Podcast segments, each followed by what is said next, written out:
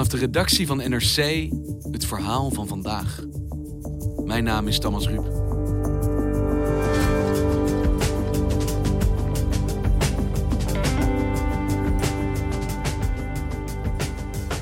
Vandaag gaan de Britten naar de stembus. Weer, voor de derde keer in vier jaar tijd. De grote vraag: hoe wordt het eiland ingericht wanneer de afscheiding van Europa eindelijk is voltooid? Want Groot-Brittannië is meer dan Brexit en heeft, ziet correspondent Melle Garschagen, grotere problemen.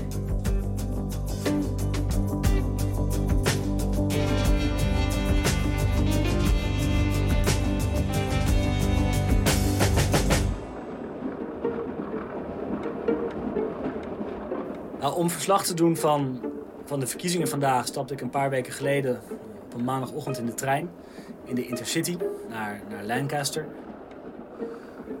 Welvarend cosmopolitisch universiteitsstadje. En van daaruit heb ik het uh, boemeltreintje gepakt naar Morecambe. Delay here at Lancaster before we go forward to Berlin. En Morecambe is een uh, klein kutsplaatsje, ligt aan een fantastische baai. En die twee plekken die heb ik eigenlijk uitgekozen om samen te voegen en uh, te vergelijken en te bekijken wat daar eigenlijk speelt. Wat er, als je even voorbij de Brexit kijkt, wat zijn de thema's die men daar belangrijk vindt. Waarom zit jij niet in de karavaan van Boris Johnson? Waarom ga je met een boemeltje naar de kust van Engeland? Ja, je kan verkiezingen kan je als correspondent kan je op verschillende manieren aanpakken. Je kan natuurlijk meereizen in het kielzog van, van Boris Johnson. Of je kan uh, Jeremy Corbyn volgen. Maar daar heb ik deze keer niet voor gekozen. En vooral omdat juist die, die, ja, die standaardcampagne, die politieke retoriek, die deed mij een beetje ja, sleets aan. Ik, ik, ik, ik krijg de indruk dat er de afgelopen jaren in het Verenigd Koninkrijk zoveel gebeurd is, dat ja, mensen daar ook niet zo in geïnteresseerd zijn. Ja, als je even de, uh, de agenda van de afgelopen jaren erbij pakt. Ja. In 2014 Scotland has voted no. hadden we het Schotse onaf onafhankelijkheidsreferendum. Dat was echt politiek spektakel. 2015 hadden we lagerhuisverkiezingen. 2016 We will give the British people a referendum. hadden we het Brexit-referendum. 2017 nieuwe lagerhuisverkiezingen, omdat uh, Theresa May graag naar de stembus wilde. Not another one? En in 2018 een jaar vol ja, politieke onzekerheid en chaos. The British people have spoken and the answer is we're out. Normaal gesproken, in een normale politieke cyclus, uh, mensen gaan naar de stembus. En dat is een moment waarop kiezers gaan nadenken over, over hun politiek, over wat ze belangrijk vinden. Maar ik merk aan, aan mijzelf, ik bedoel, ik heb, ik heb de afgelopen jaren hier intensief gevolgd, maar ook aan, aan mensen om mij heen en mensen die ik spreek, dat Britten eigenlijk de afgelopen jaren democratisch gezien overvraagd zijn. Er is zoveel gebeurd en politiek is zo prominent aanwezig, je kan er haast niet aan ontsnappen. Dus er is een soort sfeer van, ja, mensen zijn verzadigd. En als je dan opnieuw naar de stembus gaat, wat doet dat met een land? Wat doet dat met kiezers? En tegelijkertijd, het ging de afgelopen jaren eigenlijk maar om, om één kwestie. De Brexit, de Brexit, de Brexit. Brexit means Brexit means breakfast means breakfast. En ik was juist in Morecambe en in Lancaster om te kijken, wat, wat, wat vinden mensen nog meer belangrijk? Want ja, het Verenigd Koninkrijk is natuurlijk meer dan de Brexit. Het is een land met, met een onderwijsstelsel, met een gezondheidszorgstelsel, met armoedeproblematiek, met drugsoverlast, met ambities.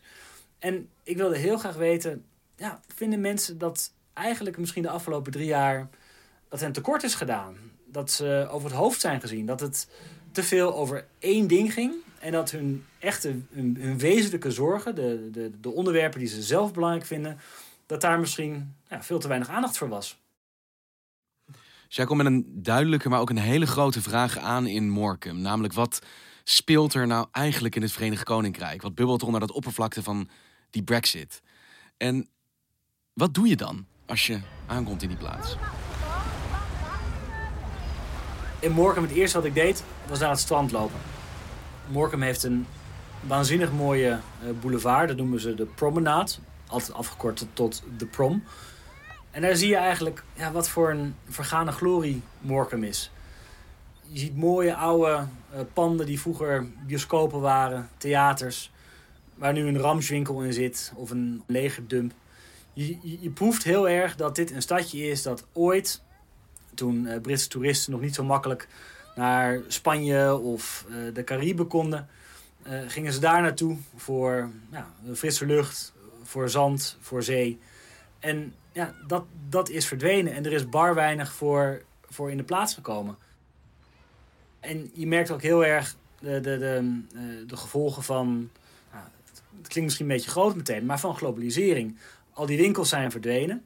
En op een braakliggend industrieterrein staan een paar blokkendozen met een uh, hele grote Aldi. Ja, en, en, en, daar doet men boodschappen. En dat is Morkum. Ik, ik loop eindeloos veel rond en ik wip overal binnen en ik praat met iedereen. Maar ik heb ook meteen de bus gepakt. En dan kronkel je Morkum door langs het uh, voetbalstadion. Dan kom je echt in het, in het Britse suburbia. Nou, daar, daar rij je met de bus uh, uh, 20 minuutjes doorheen. En dan langzaam gaat het Britse suburbia over in Lancaster. En dan voel je opeens een hele andere dynamiek. Look at me, mate. Look at Dan zie je meer vrolijkheid, dan zie je duurdere winkels, je ziet blije studenten. Opeens wordt het straatbeeld gemengder. Uh, internationale studenten. Ik hoorde in Lancaster op straat veel Chinees, veel Amerikaans, Engels. En dan merk je dat je in een andere plek bent. Dat je in een, in, in een plek bent die duidelijk cosmopolitischer is. Die uh, meer naar, naar, naar buiten toe georiënteerd is. Ja, en dat is natuurlijk het aparte dat je op, op, op, op zo'n kleine schaal twee stadjes hebt met een totaal andere dynamiek. En het deed mij meteen denken aan, aan, aan die beroemde eerste zin van dat beroemde boek van Charles Dickens, uh, A Tale of Two Cities. Uh, it was the best of times, it was the worst of times. In de een gaat het goed, of lijkt het goed te gaan, en in de ander precies het tegenovergestelde. Exact. En hoe kijken ze dan vanuit deze twee plekken naar die landelijke politiek waar het vandaag over gaat? Is dat ook totaal verschillend?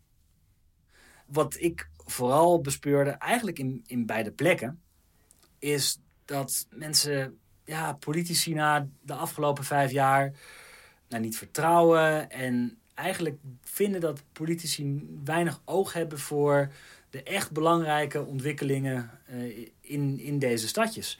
Uh, zeker in, in, in Morecambe kreeg ik het gevoel dat de kiezers snakken naar een politicus, uh, ongeacht de politieke kleur, die het stadje serieus neemt, die hart voor de zaak heeft en die ja, een beetje, een beetje lief is voor, uh, voor Morecambe. En als je zegt het gaat landelijke politici alleen maar over Brexit, Brexit, Brexit, dat je dat daar hoort. Welke problemen zie je dan daar of zien ze daar die niet worden opgelost? Omdat alle tijd en aandacht daardoor wordt opgeslurpt. Het gaat over armoedebestrijding. Het gaat over de kwaliteit van het onderwijs. Het gaat over wachtlijsten in de zorg. Als je naar de huisarts wil, vertelde een man mij, moet je drie weken wachten. Als je van de huisarts een specialist wil zien, ben je gemiddeld 4,5 maand verder. Dus ja, je merkt ook dat, dat, dat mensen in dat soort plekjes, die, in dat soort stadjes, die, die verliezen in rap tempo vertrouwen in niet alleen de politiek, maar ook in het idee dat er een overheid is uh, die voor hen zorgt. Hoe zie je dat dan bijvoorbeeld in een plaats als Morecambe? Nou, een van de plekken waar ik het heel duidelijk zag was bij de lokale voedselbank. En ik liep daar binnen en het is piekdrukte, want eh, in aanloop naar de kerst, dus een klein gebouwtje, een beetje vervallen, uh, helemaal volgestouwd met, met koekjes, met uh, luiers, met ook adventkalenders, want ze willen ook dat, dat, dat, dat, dat de kinderen van mensen met armoede, dat die ook iets leuks hebben. En ik werd er rondgeleid door een, een van de managers. En zij liet mij een, krat zien, nou ja, een soort supermarktkrat. Uh, met alleen maar uh, kuppensoep, instant uh, aardappelpuree die je aanlengt met water, bonen in blik, tonijn in blik, zalm in blik, een zak chips. Nou ja, allemaal dingen waar je niet voor hoeft te koken. En zij zei, dit noemen wij een kettlebox, dus een, een, een heetwaterkokerdoos. There are people turning, you know, th- that might not have a fridge as well. Might, so, you know, I would buy stuff to, to freeze, to maybe make a, you know, a giant meal and then freeze En that. het idee is, dat is bedoeld voor mensen die zo arm zijn dat ze in hun huis of geen keuken hebben of afgesloten zijn van het gas. En die kunnen dus dan wel zichzelf onderhouden met zo'n ehm, zo'n voorraad van de voedselbank zonder dat ze hoeven te koken. Nou ja, dat dat op vrij aanzienlijke schaal geleverd moet worden in een land met de op vijf na grootste economie van de wereld. Dat vond ik vrij, ehm, vrij shocking. Hoeveel mensen zijn daarvan afhankelijk? Daar. Ja, en dat, dat is ook iets waar ik echt van versteld stond. Eh, Voedselbank liet mij hun statistieken zien. In 2013 hebben ze in totaal 2031 keer een pakket verstrekt aan mensen. En vorig jaar hebben ze 7000 keer een pakket verstrekt aan mensen. En dit jaar gaan ze daar met gemak overheen. Dus in vijf jaar tijd is de vraag naar pakketten van de voedselbank geëxplodeerd. Het is verdrievoudigd. Nou, wat zo opvallend is aan de, de Britse situatie op dit moment, en dat vertelde Brian. Scott van, van de Voedselbank, is dat de werkloosheid historisch laag is, maar tegelijkertijd eh, armoede toeneemt. En dat komt, zegt zij, omdat er steeds meer mensen zijn die wel een baan hebben, maar met die baan niet genoeg verdienen om boven die armoedegrens uit te komen. It's the working poor, you know, they could be doing two, three jobs that just don't, don't make up and it's not enough to live properly.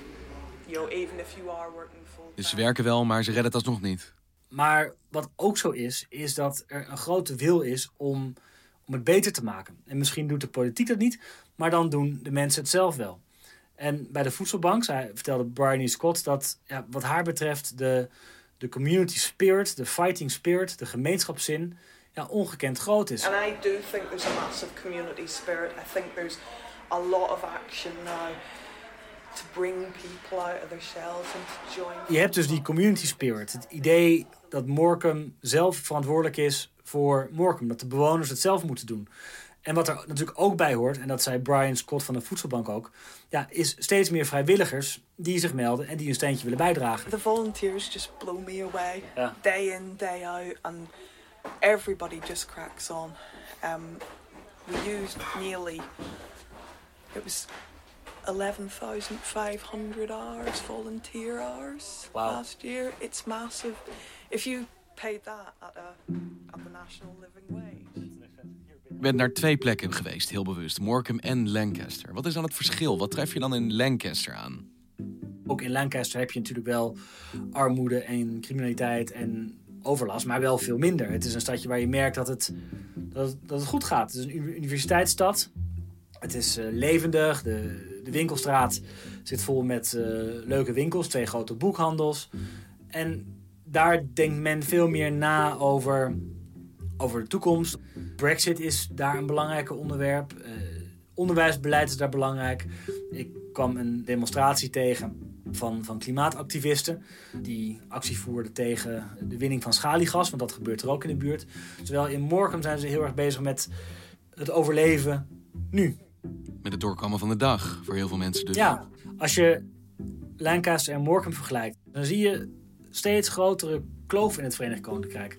Tussen rijk en arm, tussen kansrijk en kansarm, tussen nou, conservatief en progressief. En dat gaat, die kloof die wordt steeds dieper.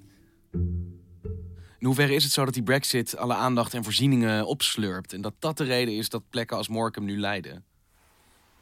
Nou, het is deels waar. Ehm, als je naar de agenda van het, van het lagerhuis kijkt eh, de afgelopen tijd... Ja, natuurlijk wordt er over meer eh, gedebatteerd en gestemd dan alleen de brexit. Ehm, er wordt, ik heb het opgezocht, er is ook in oktober nog een eh, best omvangrijk debat geweest over Morecambe. En er werd nou, toch wel een redelijke tijd gepraat over...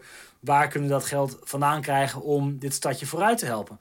Dus het is zeker niet zo dat er geen enkele aandacht voor is. Maar het is ook wel zo dat die Brexit-turbulentie van de afgelopen jaren ervoor zorgt dat er minder effectief bestuurd wordt. Het beste voorbeeld daarvan is wat ze in het Verenigd Koninkrijk Universal Credit noemen. Dat is het, het uitkeringssysteem. Nou, ik, zal je de, de, de details besparen, want dat is allemaal veel te complex. Maar dat systeem, dat, dat werkt niet. En dat moet hervormd worden. En daar is eigenlijk iedereen het wel over eens. Maar wat je de afgelopen jaren zag, is dat op het ministerie van Sociale Zaken zijn vijf ministers gepasseerd. En vier daarvan zijn dus afgetreden. Eh, en dan, dan, dan meet ik het vanaf, vanaf 2016, hè, vanaf het Brexit-referendum. Vijf ministers Vier- sinds 2016. Precies. En vier daarvan zijn afgetreden. Niet omdat er iets verschrikkelijk misging op hun ministerie, maar vanwege de Brexit. Omdat, er, omdat ze de Brexit-koers van Theresa May niet, ehm, eh, niet goed vonden. En de mensen die ik sprak in, in Morecambe en Lancaster, die eh, werken met, eh, met armoedebestrijding, die veel te maken hebben met, met Universal Credit, die zeggen: ja, je, het is zo'n taai dossier. Je hebt minimaal een jaar nodig om als bewindspersoon om, om je in te werken. En als je dan de hele tijd een soort draaideur beleid hebt van, van, van ministers. Ja, geen wonder dat, dat niemand het politiek gewicht of ook eh, de inzichten heeft om, om zo'n stelsel goed te hervormen. Dus wat ik vaak hoorde is, wat de verkiezingen vandaag ook opleveren, wie ook maar de grootste wordt. De komende jaren hebben we zeker op dit soort taaie eh, dossiers die niet gaan over de brexit, maar die gaan over de, de, de, nou, de hart van de maatschappij, hebben we stabiliteit nodig. Er moet gewoon geregeerd worden. Hé, maar Melle, die problemen die je daar beschrijft, weet je, deze mate van armoede en bij de troosteloosheid, als ik het zo hoor vanaf hier, ik denk bijna, weet je, is dit wel het Verenigd Koninkrijk? Is daar nog wel hoop daar op zo'n plek? Ja, en dat vond ik verbazingwekkend en ook wel mooi. De, de, de- het gaat niet goed en dat zie je en dat ziet iedereen. Maar er is wel een soort veerkracht en mensen zijn ja, toch wel positief ingesteld over de toekomst. Ehm, ik liep ergens op straat en ik kwam opeens een kunstenaarscollectief tegen. En ik kwam een, een, nieuw koffietentje tegen. Zat er ook sinds kort. En dat zat vol. En er zijn hele grote, hoge verwachtingen van een nieuw project. En dat, dat zal de komende jaren gebouwd worden. Dat zijn de zaken waardoor mensen in Morgen zeggen van ja, er is een toekomst voor ons stadje. En het hoeft niet alleen maar bergafwaarts te gaan. Er is hoop. Maar er moet wel iets gebeuren. Maar er moet zeker iets gebeuren. En als je dan alles weer samenvoegt en, en, je koppelt Morecambe en Lancaster en de politiek, daar komt het samen. Als er één concreet iets is wat de bewoners van Morecambe verlangen van de politiek, is hou op met vergezichten over de brexit, met ideologische plannen. Maar zorg gewoon alsjeblieft dat onze economie over een paar jaar in de lift zit, zodat het in Morecambe weer goed kan gaan. Dit is wat er aan de hand is op straat. Kijk hier en los het op. Precies, handel. En stemmen kan vanaf ochtends vroeg. Hoe laat gaan we een idee hebben van wat er gebeurt vandaag? Waar mensen dan voor kiezen? Nou, vandaag zal je vrij weinig merken, want vandaag is de stembusgang. En er is een regel dat als zodra de stembussen eh, eh, open zijn, zodra de stemlokalen open zijn, mag er geen politieke berichtgeving meer eh, zijn. Dus de Britse media die zullen het vandaag moeten hebben van de, eh, de foto's van Jeremy Corbyn die stemt en Boris Johnson die stemt, maar geen enkele analyse. Om 10 uur 's avonds Britse tijd, dus 11 uur 's avonds eh, Nederlandse tijd, sluiten de stembussen en komt de BBC onmiddellijk met een eh, vrij accurate en gezaghebbende exit poll. En dan vannacht, dus voor vrijdagochtend, worden de stemmen geteld. En die druppelen, net zoals in Nederland, district voor district, druppelen die binnen. En morgenochtend moeten we eh, zeker weten eh, welke partij gewonnen heeft. Maar de Britse media die zwijgen vandaag de hele dag. Ja, die moeten zwijgen. Ja. Dus wij zijn wat hem betreft in overtreding nu. Eh, als wij een Brits medium zouden zijn, zouden wij volgens mij in overtreding zijn. Denk het wel. Nou, fijn dat we jou nog wel even konden spreken, Melle. Dank je wel. Stiekem, stiekem. Succes vandaag. Dankjewel. Je luisterde naar Vandaag, een podcast van NRC. Eén verhaal, elke dag. Dit was vandaag, morgen weer.